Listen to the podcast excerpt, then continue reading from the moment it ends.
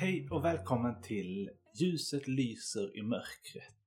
En predikopodd av och med mig, Erik Horner. All musik du hör i avsnittet är från Lina Horner and the Divers låt Lights. I den här podden får vi be tillsammans, lyssna till söndagens textläsningar och höra en predikan av mig.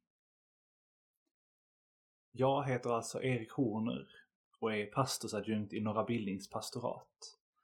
Har du några synpunkter, förslag, någonting annat? Hör gärna av dig. erik.horner svenskakyrkan.se är min mailadress. Andra söndagen i advent heter denna söndag. Och varje söndag har en rubrik i vårt kyrkoår, ett tema. Temat för andra söndagen i advent är Guds rike är nära. Vi börjar med att be dagens bön. Jesus är mitt ibland oss. I hans namn vill vi be. Gud, du som i Jesus Kristus upprättar ditt rike, gör oss starka i tron, uthålliga i bönen och frimodiga i kärleken till den dag då han kommer åter i härlighet genom din son Jesus Kristus, vår Herre. Amen. Den gammaltestamentliga läsningen är hämtad från profeten Mika, kapitel 4, verserna 1 till och med 4. Men den dag ska komma då berget med Herrens tempel står där orubbligt fast som det högsta av bergen, överst bland höjderna. Folken ska strömma dit, folkslag i mängd ska komma och de ska säga Låt oss gå upp till Herrens berg, till Jakobs Guds tempel. Han ska lära oss sina vägar, hans, sti hans stigar vill vi följa. För från Sion ska lag förkunnas, från Jerusalem Herrens ord. Han ska döma mellan alla folk, skipa rätt bland mäktiga folkslag i fjärran. De ska smida om sina svärd till plogbillar och sina spjut till vingårdsknivar. Folken ska inte lyfta svärd mot varandra och aldrig mer övas för krig. Var och en ska sitta under sin vinstock och sitt fikonträd och ingen ska hota honom. Herren Sebaot har talat.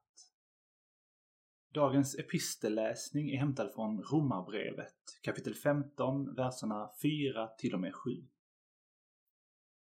Alla profetior i skriften står där för att undervisa oss så att vi genom vår uthållighet och den tröst skriften ger oss kan bevara vårt hopp. Måtte uthållighetens och tröstens Gud göra er eniga efter Kristi Jesu vilja, så att ni alla med en mun prisar vår Herre Jesu Kristi Gud och Fader. Godta därför varandra så som Kristus har godtagit er till Guds ära. Så lyder Guds ord. Gud, vi tackar dig.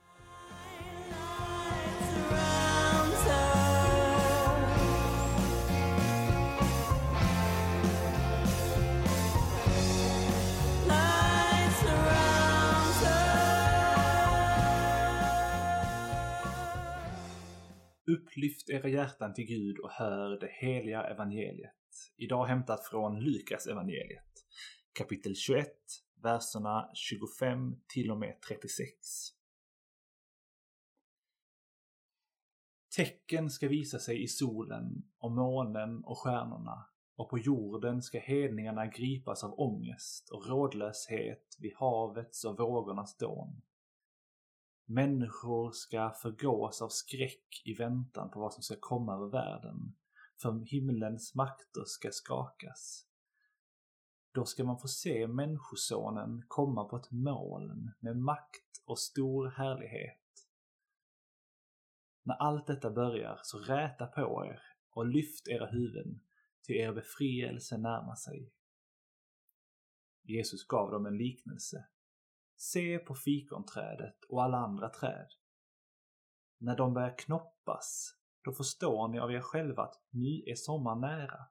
På samma sätt vet ni, när ni ser detta hända, att Guds rike är nära. Sannerligen, detta släkte ska inte förgå förrän allt detta händer. Himmel och jord ska förgå, men mina ord ska aldrig förgå. Var på er vakt så att inte era sinnen fördunklas av omåttlighet och dryckenskap och livets bekymmer. Annars överraskas ni av den dagen som av en snara. För den ska komma över alla som bor på jorden. Håll er vakna hela tiden och be att ni får kraft att undfly det som väntar och kan stå upprätta inför Människosonen. Så lyder det heliga evangeliet. Lovad vare du, Kristus.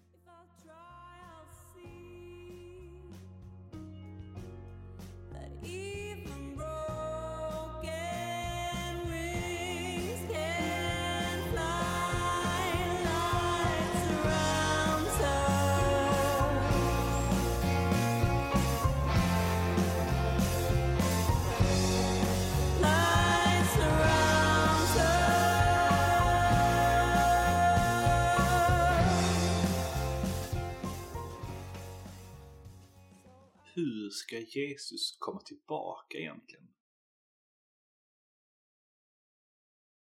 Å ena sidan så ska det vara självklart för oss. Som om han skulle komma ridande på ett moln. Jag vet inte om det är bildligt eller ordagrant menat. Men det är bilden vi får från Lukas Å andra sidan säger Jesus i Lukas evangeliet att vi måste hålla oss vakna och på vakt, för annars kan vi missa det. För mig har det inte alltid varit så viktigt det där med den där exaktheten i hur och när Jesus ska komma tillbaka. Jag försöker hålla mig alert och sådär, men tänker att om det nu är så att Jesus kommer på ett moln så lär jag ju märka det. Och samtidigt, ja, när han red in i Jerusalem så kom han som en sorts kung, fast på ett annat sätt. Inte på ett sätt som folk förväntade sig. Så kanske behöver vi hålla oss lite vakna ändå. Kanske fundera över förutfattade meningar. På vilket sätt Gud kommer eller hur Jesus skulle se ut, var han skulle befinna sig idag.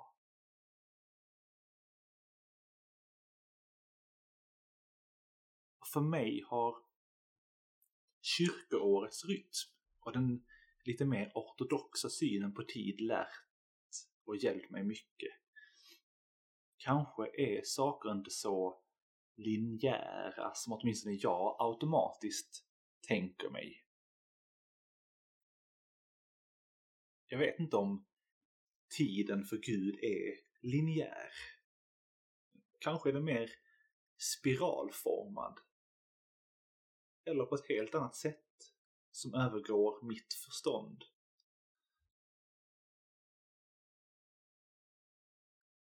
Kanske handlar Jesu återkomst både om något som ligger i framtiden och om något som händer gång på gång. När vi pratar om den stora uppståndelsen till exempel. Den uppståndelsens dag. Så får vi problem med att prata om något som bara händer en enda gång vid tidens slut, som vi gärna gör. Vi får problem med det om vi också läser vad Jesus säger till en av dem som korsfästs samtidigt med honom. Då säger Jesus Redan ikväll ska du vara hos mig. Det här med tidens mysterium är något som är för stort för mig att begripa. Det är just ett mysterium och personligen så väljer jag nog att fundera fram och tillbaka, lyfta på hatten och lägga det i Guds händer tills vidare. Men vem är det som kommer på, som kommer då? Ja, det funderade vi ju lite grann på redan förra veckan. Då när vi hörde om och funderade kring det där med att Jesus rider in i Jerusalem på åsnan. Och hur länge ska vi orka vänta? Jesus säger att sannoliken detta släkte ska inte förgå förrän allt detta händer. Men det där släktet har ju förgått. Eller ja, människosläktet kanske inte har förgått, om det är så han menar. Men de som levde och hörde honom när han gick runt verkar ju inte ha fått uppleva återkomsten. Så hur länge ska vi orka vänta? Och kanske något som är lite mer konkret för oss här och nu. Hur länge ska vi orka vänta på att saker ska bli bättre? På att ljuset ska segra över mörkret? Inte bara sen, utan här och nu. Det finns ett klassiskt säg. Redan nu, men ännu inte. Det betyder alltså Guds rike är redan här, här och nu, mitt ibland oss. Men det har liksom inte slagit igenom med full kraft än. Det är inte fullbordat än. Och det där är både en trygg och frustrerande tanke. Jag säger inte emot den, jag lutar mig ofta på den meningen. Den kan vara frustrerande ändå.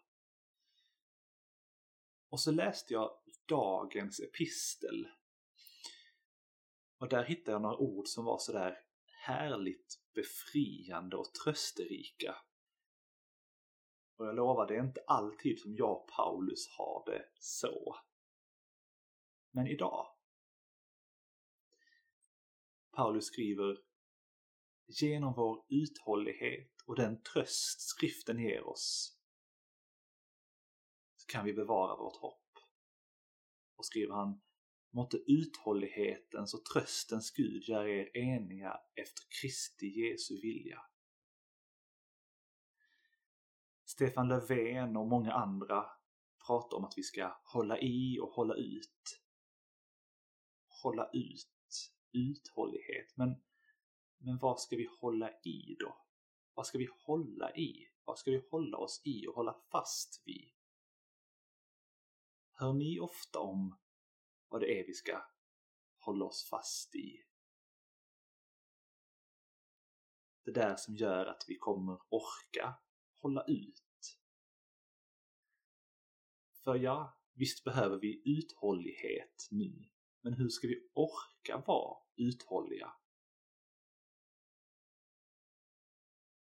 Paulus är vettig här tycker jag. Vi ska lyssna till skriften, till Guds löften, i Bibelns olika böcker. Hur ska vi annars orka? Orka hoppas? Orka hålla i och hålla ut? För på egen hand, med mina egna gärningar, med mitt eget bristande, ofullkomliga tålamod och mod, så känner inte jag att jag kommer orka. Det gör jag inte särskilt bra i vanliga fall heller. Och ännu mindre nu. När det för mig är så konkret och tydligt hur skört livet är. Hur liten jag faktiskt är när det blåser till storm. Ofta känner jag mig som när Petrus ska försöka gå på vattnet inte minst nu. Vattnet bär inte. Det vill sluka mig. Men Guds löften, Jesus hand, vill dra upp mig. Vill hålla mig ovanför vattenytan. Vill hjälpa mig att inte drunkna. trots allt. Och det bär Guds löften och Jesus hand. Uthållighetens Gud, tröstens Gud, vackra, trösterika namn på vår Gud. Och nästan ännu vackrare är bilderna vi får från både Paulus och från Mika. De där bilderna som handlar om Guds rike. Om vad Gud har för plan. Vilken sorts rike Gud vill.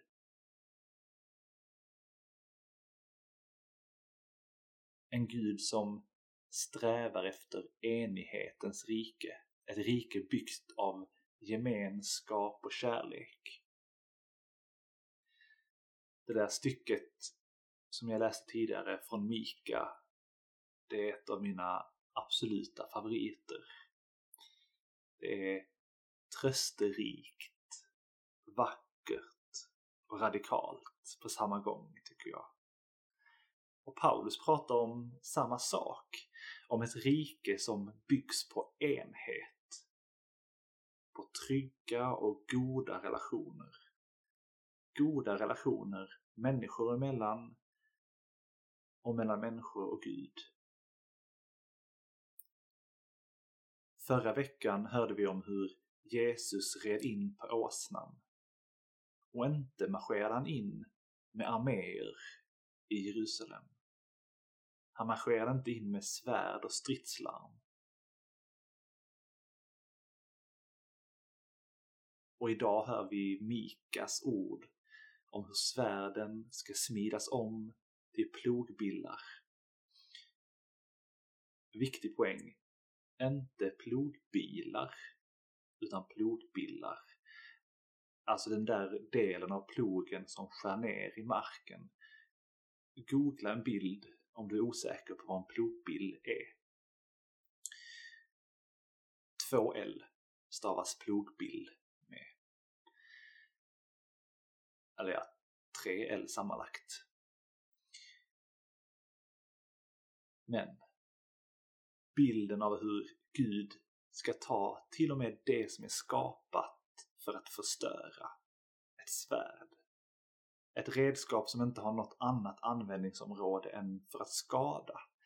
Det ska Gud ta och förvandla till något som istället ger oss föda och liv, någonting kreativt.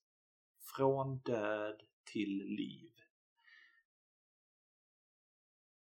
Guds rike är ett rike där sanna och goda relationer råder, där alla ska ha sitt dagliga bröd.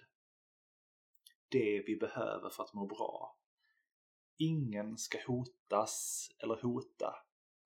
Ingen ska trampa på eller bli trampad på. Ingen ska bli exkluderad för vem hen är. Nej. Var och en ska sitta under sin vinstock och sitt fikonträd och ingen ska hota henne. Guds rike är nära. Ett rike som vi inte riktigt vet hur och när det kommer.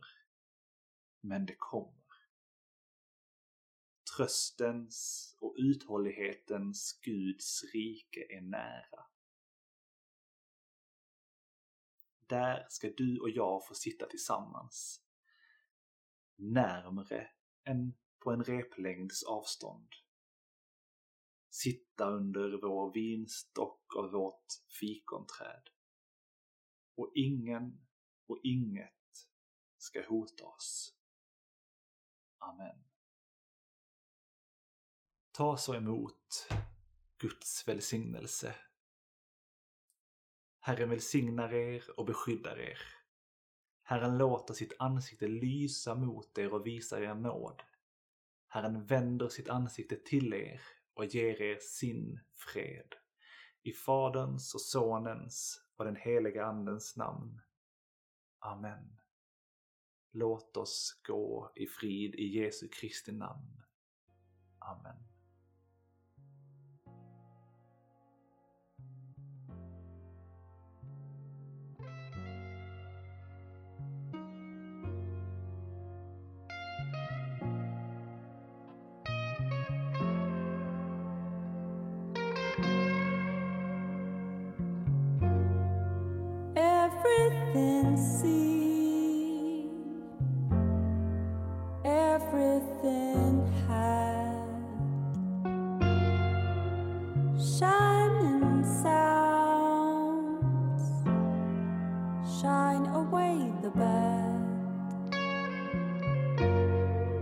I see the light when you whisper.